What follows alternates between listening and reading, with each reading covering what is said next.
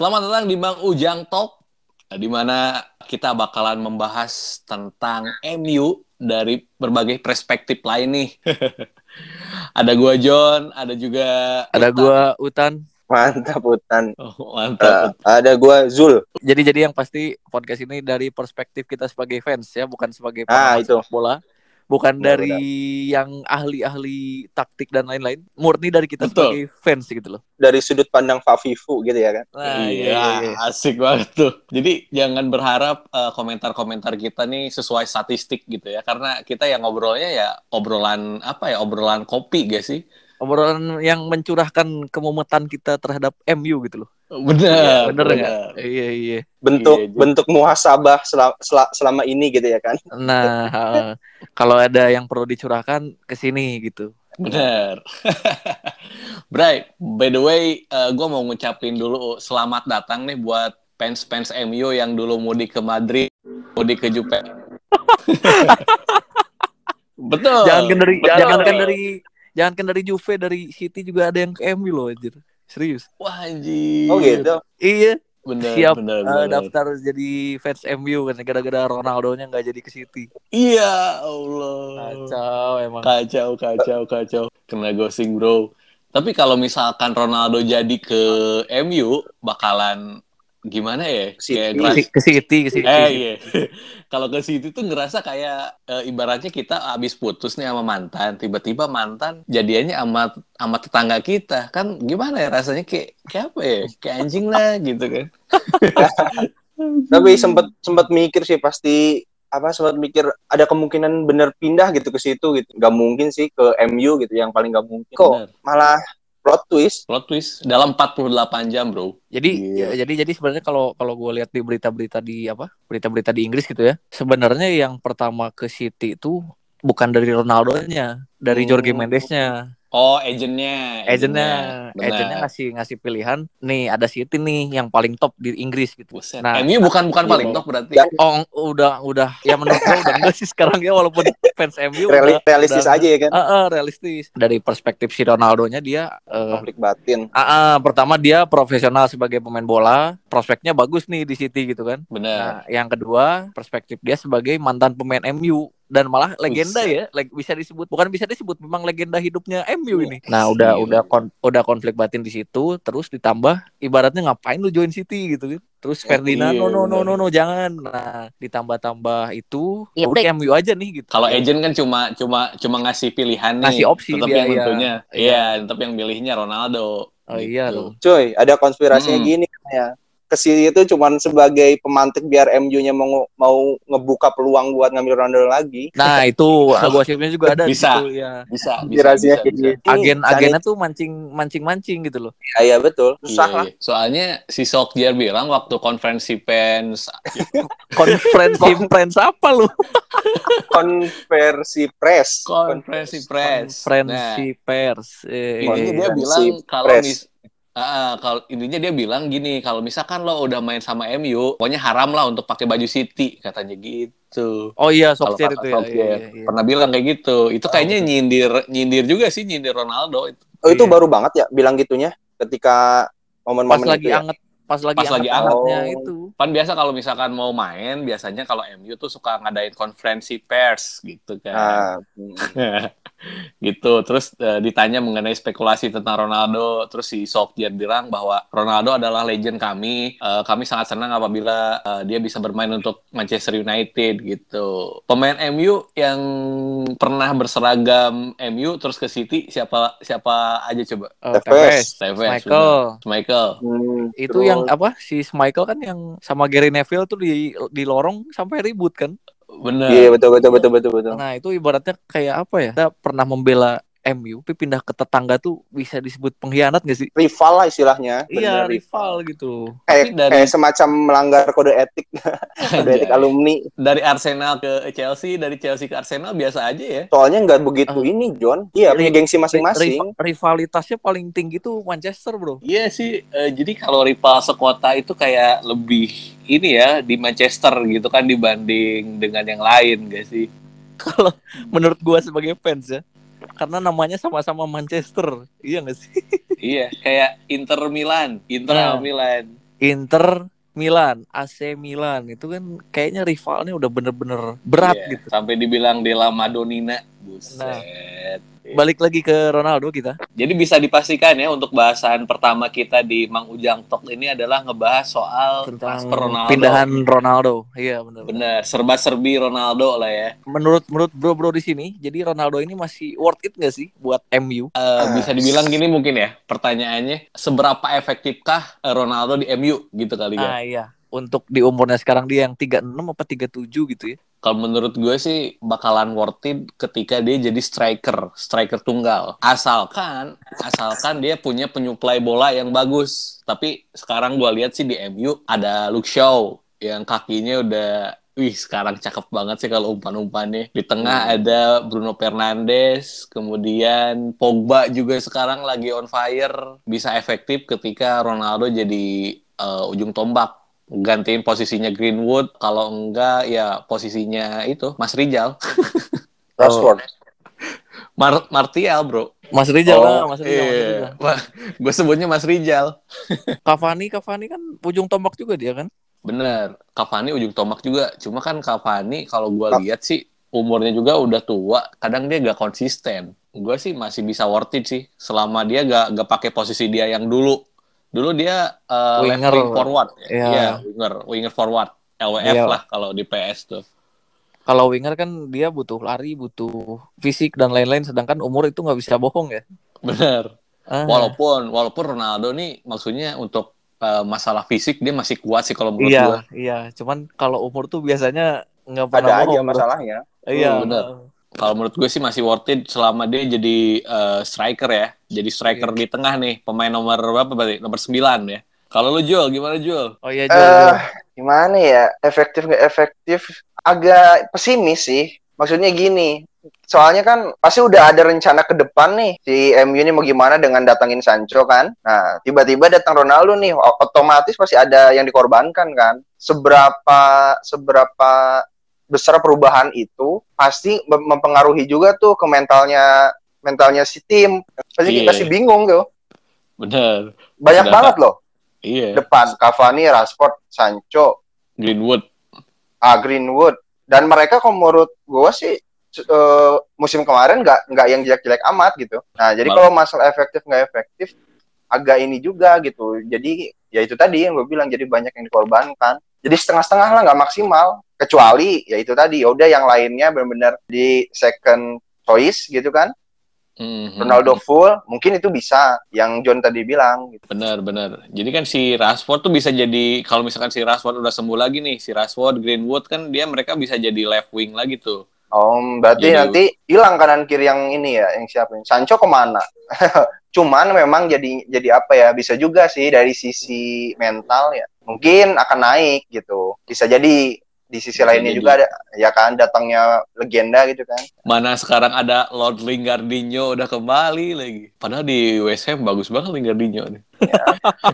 Oke, Utan, gimana Tan? Menurut lo Tan? Oke, jadi menurut gua eh, seberapa efektif si Ronaldo ini ke MU ya? Kalau menurut gua di sini terbagi dua, Bro. Jadi untuk pertama jangka panjang, nah yang kedua tuh untuk jangka pendek. Untuk Oke. jangka pendek, menurut gua si Ronaldo ini, si Bang Do ini di statistiknya eh, musim lalu di Juve dari 33 pertandingan dia cetak gol 29, Bro. Di umur dia yang 30 berarti tahun kemarin 35. Dari Iya. 33 dia cetak gol 29 itu musim sebelumnya lebih parah lagi nih dari 33 game golnya Hmm. 31 jadi bilang hampir tiap game tuh dia cetak gol Iya, rata-rata Hampir pasti. 0,8-an, Iya. 0,8 bola ya cetak Ah. gol. Nah jadi untuk jangka pendek menurut gue ini si Ronaldo sangat membantu untuk pertama ya bisa dia meningkatkan motivasi pemain fans eh, Hmm. mungkin dari segi eh, apa ya dari segi tim lah di luar Iya. komersial. Terus yang kedua dari segi komersial. Eh, kemarin kan pas Ronaldo udah resmi ke MU saham MU naik langsung. Ya, 5 Naik, naik naik enggak 8 8 persen Oh, 8, Iya. bukannya penutupan 5 persen ya? eh 8 apa 5 pokoknya Ya, nilainya tuh intinya. berapa ah, ah, berapa ratus miliar gitu nah kan dari dari efek Ronaldo ini dia ngasih efek domino yang menguntungkan secara Dari ah, ah. Dari Nah, fans juga kan, dari, dari yang gue bilang, gue Ah. bilang tadi yang da- yang tadinya mud apa merantau ke Madrid, ke Juve, pada Iya. balik lagi. Selamat datang ya. Lu lu lu, lu pada mer- merhatiin nggak pas Ronaldo MU ngumumin Ronaldo itu IG-nya MU followernya langsung instan nambah berapa juta gitu. Oh gitu. Nggak Ah, sampai eh, nggak sampai ngelihat. nggak sam- nggak nggak ngelihat. Nah, yang Eh. kalau gua lihat tuh dia eh, ininya yang nge-like postingannya Ronaldo, Ronaldo eh, maksudnya MU yang ngeposting Ronaldo itu sampai tembus 12 juta, Bro. 12 juta. 12 Lebih juta like ya. banyak dari ke- ketika Lebih Sancho banyak datang dari berarti. itu Messi ya, lebih banyak dari announcementnya Messi ya. Iya. iya, iya. Soalnya nggak ini, nggak kaget kalau Messi udah keprediksi banget kan. Iya, iya. Iya. Kalau Soalnya MU kan plot Bener. twist. plot Nah, nah twist ini aja. ini gua udah lihat jumlah followernya MU nih. Sekarang kan 45,8, udah hampir mau 46 nih. Hmm. Sebelum Ronaldo diumumin eh, rejoin ke MU, gua lihat si MU ini followernya masih di angka 42 sampai 43 juta. Oh, main Masuk. kan lah. lumayan. Iya, ma- masuk Ronaldo sekarang udah hampir 46. Jarak berapa hari? Dua hari. Hmm. Ih, Dua hari gak sih? Iya. Iya, Bener dua hari, dua hari. Iya, two days, two days, two days ago tuh. Iya, jarak dua hari. Nambahnya udah bisa 43, 46, bisa 3 juta follower dua hari doang. Kira Berarti- sih pakai nyam, nyampe 50 sih, gua kira. Ah iya, Ya, berarti Iya. dari si- segi bisnis efektif sih, sangat efektif iya kan. efektif. Nah, Cuman balik tapi- lagi Tan, ini Hah? kalau menurut lu dia akan gacor gitu kan. Nah, Iya. tapi catatannya ya itu tadi pemain yang sekarang ini siapa yang mau dikorbankan gitu. Karena kalau dia cuma tuker tuker tuker posisi gitu, setengah-setengah mainnya mungkin nggak terlalu gacor. Sebenarnya kalau kita ngomong masalah yang dikorbankan, eh kita lihat dulu si Ronaldo ini dia nantinya bakal ditempatkan di posisi Oh. mana. Hmm. Eh, kalau kita lihat Ronaldo misal di Juve-nya kan dikasih ST, Striker. ST itu di depan ya. ST di depan tengah. Berarti kalau untuk di MU kita ngorbanin Mas Rijal, Martial, Hmm. Eh, terus ada Cavani. Cavani, eh, terus ada bisa Greenwood, bisa Sancho, eh Sancho, bisa Greenwood, bisa Rashford.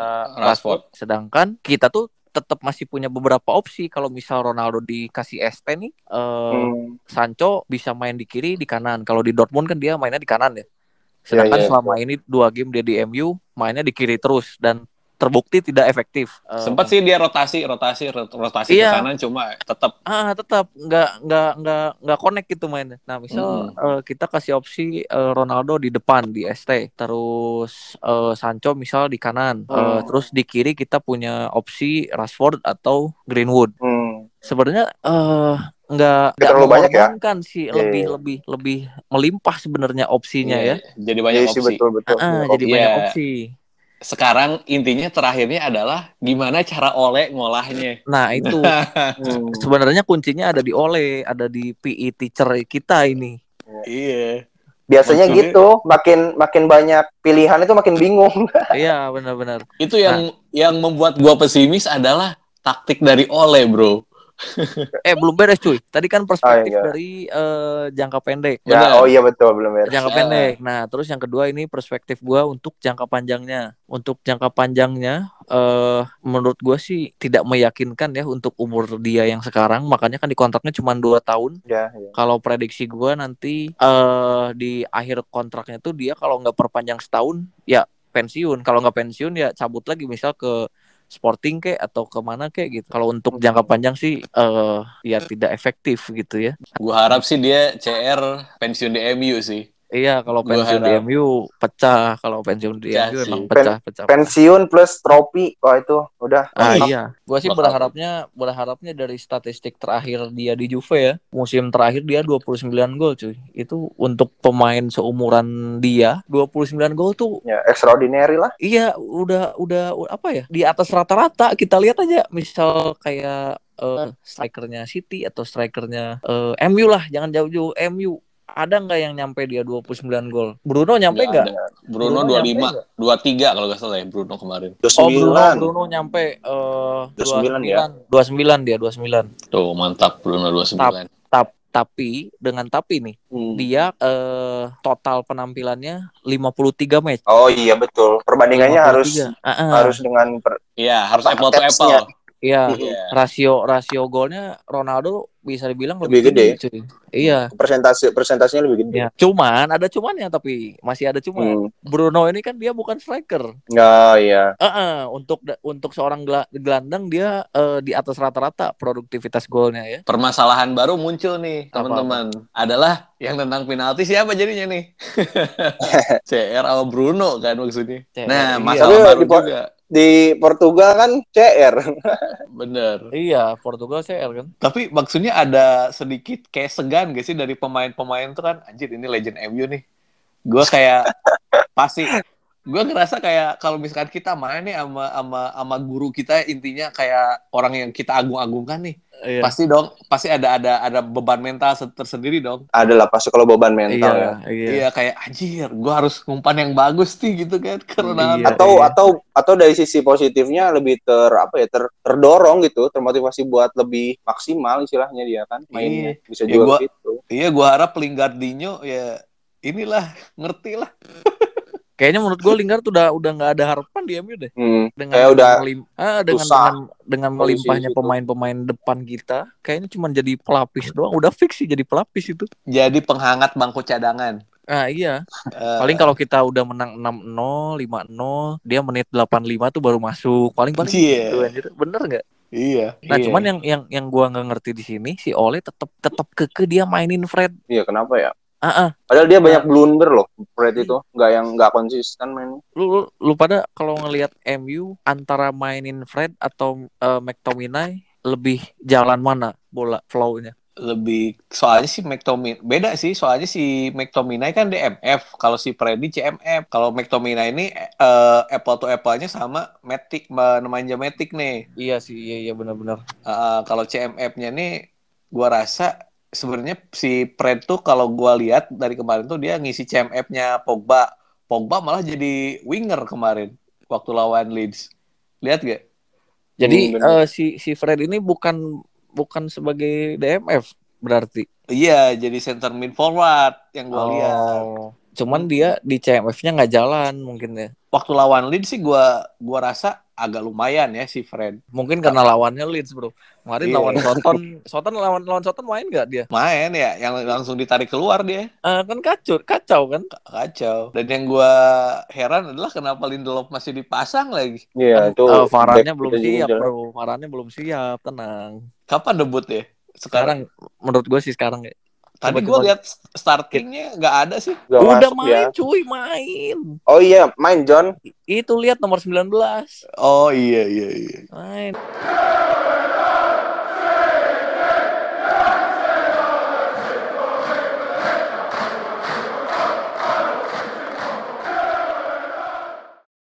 Oke balik Fun. lagi ke, ke Ronaldo nih. Fun Ah. fact-nya adalah ternyata katanya baru katanya sih gue juga gue lihat berita tadi bahwa Ronaldo sekarang pakai nomor punggungnya 28. Dua, Serius? eh, Iya, Kenapa tuh? 28. Soalnya 28 dia tuh ada ada historinya nggak buat si CR nih? kalau historinya itu adalah itu nomor punggung dia waktu di Sporting Lisbon Oh, gitu. Iya. Jadi dulu tuh dia sempat ke MU tuh minta dia pengennya nomor 28. Ah. Cuma cuma dikasih sama Sir Alex itu udah lo pakai nomor 7 aja yang akhirnya jadi branding namanya dia sendiri jadi CR7 sampai iya sekarang. iya iya iya. Makanya Ronaldo nih sama Opa Pergi nih kayak apa ya? Kayak Anak udah bapak, bro Iya, ngerasa bapak banget karena dia ngerasa kayak yang ngecetak dia tuh adalah Sir Alex gitu. Yang gua akan aneh adalah ketika ngelihat si R7 pakai nomor 28 aneh gak sih aja? brandingnya berbeda ya Iya, brandingnya beda. Soalnya yang gua lihat sih eh, soalnya kan nama Cavani udah didaftarin nomor 7. Hmm. Itu sih yang agak susah katanya tuh. Sebenarnya sih sebenarnya kalau udah didaftarin gitu masalah registrasi di nomor punggung ya. Kalau misal musim udah jalan nih, kalau Mm-mm. tuker gitu bisa nggak sebenarnya? Kayak nggak bisa kurang- deh kalau udah kayaknya gak bisa deh. Udah didaftar gitu di bagai di U- udah di print juga di baju Oh iya udah Di udah mana- nyetak, udah nyetak nyetak Ah, ya iya benar. di mana-mana udah dijual juga. Kayak dulu, kayak dulu Paul Scholes. Paul Scholes kan Hmm. sempat pensiun terus dia masuk lagi. Ganti nomor kan. Ganti nomor dia. Oh iya iya. Jadi udah udah gak bisa.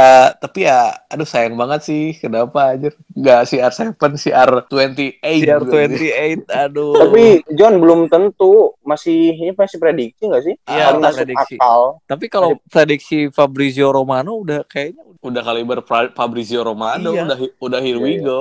Dia itu udah here we circle, go itu cir- udah circle one-nya tiap klub kayaknya Iya. tak tahu segala ini. kita kesampingkan dulu Ronaldo. Eh, di sini kita ngomongin dilema nomor 7 ya. Oke. Dilema nomor 7 nih sebenarnya ada ada dua dilema, Bro. Apa Untuk itu? musim sekarang antara Ronaldo, kalau Sancho sih kan udah pasti 25 ya. Nah, sekarang Ronaldo dikasih nomor 28 kayaknya aneh gitu. Nah, untuk Sancho ada kemungkinan nggak dia dikasih nomor 7 di MU? Sebenarnya sih kalau menurut gua kemarin asalnya ini kan soalnya kan unbelievable transfer ya Ronaldo ya. Ah, Soalnya kan si Cavani cuma kontraknya setahun setahun nih. iya iya. Nah di musim berikutnya gua rasa kemarin sih strateginya adalah nanti Sancho pakai nomor 7 setelah Cavani. Iya. Waktu nggak tahu Ronaldo masuk ya. Benar, waktu nggak tahu Ronaldo yang masuk. Sebenarnya tuh Sancho yang mau nomor 7. Prediksi gua. Tapi sekarang kan emang apa ya? Pokoknya Iya. ini transfer transfer konyol lah maksud gua. Ya mega mega transfer gitu kan Iya, Ronaldo mega masuk kalau nggak dikasih nomor 7, aduh, kayak gimana Aduh, gitu. gimana? Aneh gitu. Iya, Sancho juga ngerasa kayak ah ya udah dah lu aja Iya. nggak ngerasa segan pasti dia juga. Iya. Tapi sebenarnya nggak nggak terlalu masalah sih, nggak tujuh juga. Maksudnya kayak David Beckham aja pindah ke Real Madrid juga ganti nomor kok. Gitu. Iya sih. Cuman Lebih ya ke itu branding. brand, brandingnya ke CR, branding CR7 sih. Terus harap harapannya nih harapannya dari dari bro-bro semua nih harapannya apa sih Ronaldo dengan baliknya Ronaldo ini ke MU? Ya jelas lah harapannya tuh trofi ya kan. Udah berapa tahun ini.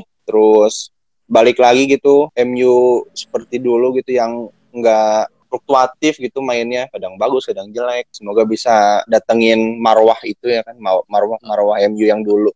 Kalau menurut lo Tan gimana Tan? Harapan gua yang pertama eh, yang pasti sama kayak Brozul ya, yang pasti trofi, terutama Premier League ini Premier League udah Iya. terla- itu yang paling untuk se untuk sekelas MU ini kita udah terlalu lama nggak juara Premier League cuy. jangan sampai kayak Iya, Liverpool eh Iya. maksudnya tim tim sebelah Ah, Liverpool, 30 tahun. Arsenal itu udah udah kacau anjir. Nah, terus yang kedua dari segi apa ya? Dari segi ini gua berharap eh, apa datangnya CR tuh bisa ngebalikin MU yang dulu. Si Iya, iya. apa? Feel feel kalau bahasa Sundana itu ini apa?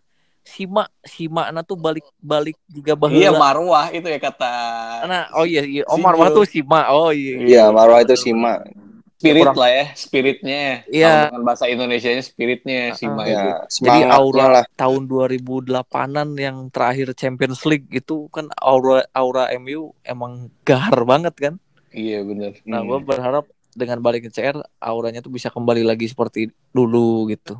Bener. Harap eh, itu sama juga kayak harapan gue sih. Jadi gue berharapnya adalah ketika tim lain sebelum ngelawan MU dia tuh udah ngerasa kalah 2-0, Bro. Iya benar. bener bener. Itu kalau kalau zaman dulu masih zaman Sir Alex kayaknya tim-tim rendahan kayak kayak Hampton dan lain-lainnya Norwich, kayak Norwich, eh, Iya. West Ham kayaknya udah udah udah udah merasa kalah duluan nih lawan MU. Iya. Jadi jadi bak- masih di lorong tuh anjing gua udah udah kalah 2-0 nih, Bro gitu. Iya. Balik balik gitu.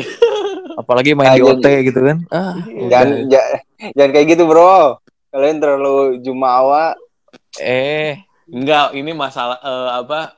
Dulu Masa MU lalu. dulu. Iya, masa lalu gitu. ntar, ntar kita dinyinyir itu senang menceritakan histori ya kan pelajaran sejarah dimulai Enggak, kan?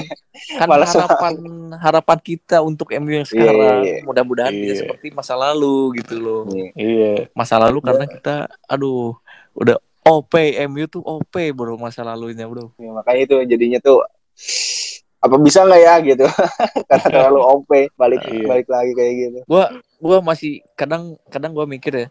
Jadi fans MU tuh kita terlalu cengeng sebe- iya iya betul betul masih ada yang Dengan- lebih sangat sabar gitu Ah, menghada- menghadapi bayangin tim. bayang bayangin kita musim lalu finish eh, peringkat dua Hmm. Final Europa League. ah ah, Europa League final itu Premier juga kan walaupun Dua-duanya. walaupun kita nggak juara tapi untuk sekelas tim yang lagi membangun squad itu Hmm. udah oke loh sekarang Iya, kita betul. lihat Arsenal sekarang belum pernah menang. Peringkat paling bawah lagi sekarang. Paling bawah, juru Paling kunci. bawah. Juru Iya. kunci. Itu karena lawan-lawannya sangar-sangar sih, Bro. Baru Iya, Dia- bisa jadi sih. Di awal bisa sangat-sangat. jadi. Di- Ini di juga awal. sih katanya, ini mah katanya, ini tuh kayak karma karena buang Ozil katanya. Dan mungkin Mang Ujang Talk kali ini bisa diakhiri dengan baik karena sebenarnya gua tahu sih sekarang kembalinya CR nih fans-fans sekarang udah pada balik lagi. Ibaratnya nih serial Naruto nih kuramanya Naruto sama kuramanya Minato nih. Sekarang udah ba- udah balik lagi, udah menyatu nih. Anjir. Iya. Setelah 12 tahun ditinggal, akhirnya balik lagi, Bro. Aduh, Iya. itu malam-malam mantengin gitu kan. Iya, mimpi apa gitu kan. Iya, Iya. tiba-tiba here we go. Dari si Fabrizio Romano up- update here we go, nggak lama dari IG-nya MU tuh resmi. Bener. Anjir itu pecah sih serius. Pecah. Pecah, pecah banget anjir. Kalau Messi keluar dari rumah, kalau Ronaldo balik ke rumah. Iya. Nah, iya.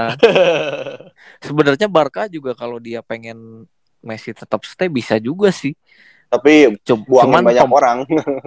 eh, pertama itu misal buangin banyak orang, terus kedua dia ngurang-ngurangin gaji kayak Pique. Pique dia Oh. ngurangin gaji demi bisa Barca ngedaftarin eh, Memphis. Oh gitu. Iya, Memphis tuh bisa masuk bisa masuk ke Barca. Salah satunya ya gara-gara si Pique itu dia dia untuk mengurangi gajinya gitu. Oh, mungkin uh, uang uang dapur rumahnya diambil kali ya. Ah, Itu di belakang panggung, tar. Iya. Deal-dealan Iya. sama si Memphis Depay. ah, ah, lu kata Pique lu lu bayar ke gua lu ini gaji gua Iya. dipotong ya udah bayar sini gitu. dia dia juga pernah sampai sampai nge-tweet eh gua gua udah bersedia ngurangin gaji gua nih demi demi lu bisa masuk tapi lu ngasih sesen pun gak pernah katanya. Maksudnya Nantinya kita juga bakalan bahas-bahas tentang uh, statistik MU. Pokoknya tentang MU dah. Pokoknya kita review pertandingan-pertandingan MU, baik itu di Premier League, Champions League, uh, Carabao Cup, dan satu lagi apa ya? Ah, Oh, FA Cup, benar. iya iya. Pokoknya uh, pantengin terus Mang Ujang Talk karena buat fans-fans MU kita ngobrol bareng lah gitu kan. Nanti Yap. nantinya juga sih uh, kita rencananya kalau misalkan ada big match big match lawan Liverpool, lawan Chelsea, nanti kita bakalan undang temen kita yang sama uh, fans uh, Liverpool juga mungkin ya. Asik tuh kayaknya tuh. bisa bisa bisa. Iya, misalkan kita ngundang fans Liverpool gitu kan, kita kalau misalkan kita menang, kita eceng-ecengin. Iya. Oh, itu kalau kita menang enak deh ngundang ngundang mereka tuh. Kalau kita Kalau kalah kalau kalah kalah. Apa lah. Gak apa-apa. Seru-seru. Namanya juga Iya, iya. seru-seruan. Iya, benar benar benar. Kayak gitu. Ngomongin Oke, MU makasih. dari perspektif lain. Benar, ngomongin MU dari perspektif lain gitu kan bersama fans-fans lain juga gitu. Pokoknya makasih banget yang udah dengerin di Mang Ujang Talk. Sampai jumpa di pembahasan uh, MU selanjutnya. Gua John pamit. Ya, gua Jul pamit. Gua Utan juga Oke, glory glory Man United. Thank you.